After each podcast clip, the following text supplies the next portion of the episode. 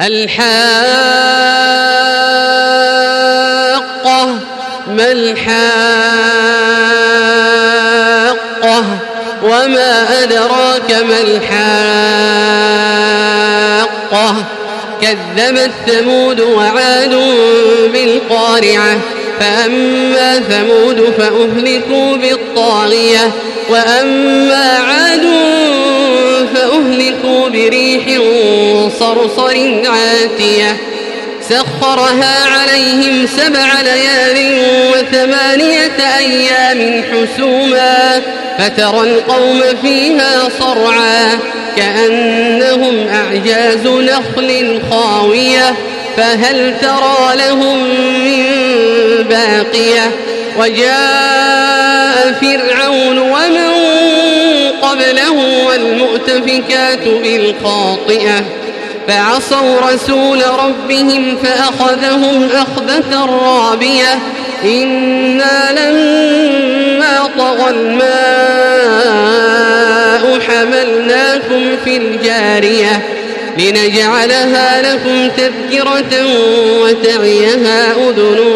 واعية فإذا نفخ في الصور نفخة واحدة وحملت الأرض والجبال فدكتا دكة واحدة فيومئذ وقعت الواقعة وانشقت السماء فهي يومئذ واهية والملك على أرجائها ويحمل عرش ربك فوقهم يومئذ ثمانية يومئذ تعرضون لا تخفى منكم خافية فأما من أوتي كتابه بيمينه فيقول هاؤم اقرءوا كتابيه إني ظننت أني ملاق حسابيه فهو في عيشة راضية في جنة عالية قطوفها دانية كلوا واشربوا هنيئا بما أسلفتم في الأيام الخالية.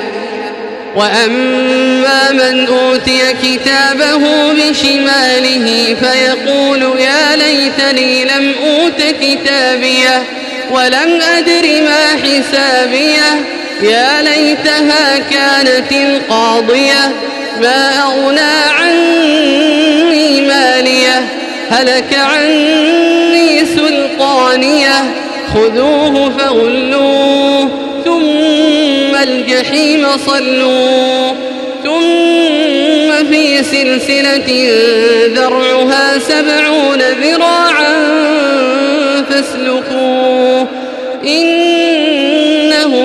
كان لا يؤمن بالله العظيم ولا يحض على طعام المسكين فليس له اليوم هاهنا حميم ولا طعام إلا من غسلين لا يأكله إلا الخاطئون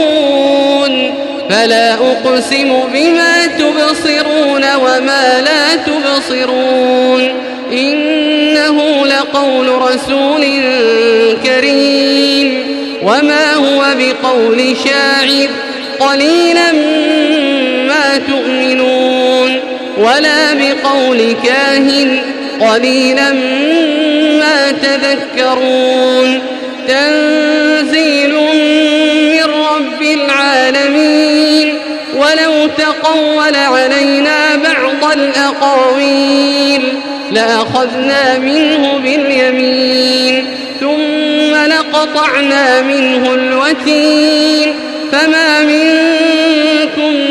من أحد عنه حاجزين وإنه لتذكرة للمتقين وإنا لنعلم أن منكم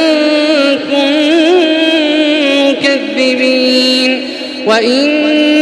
لحسرة على الكافرين وإنه لحق اليقين.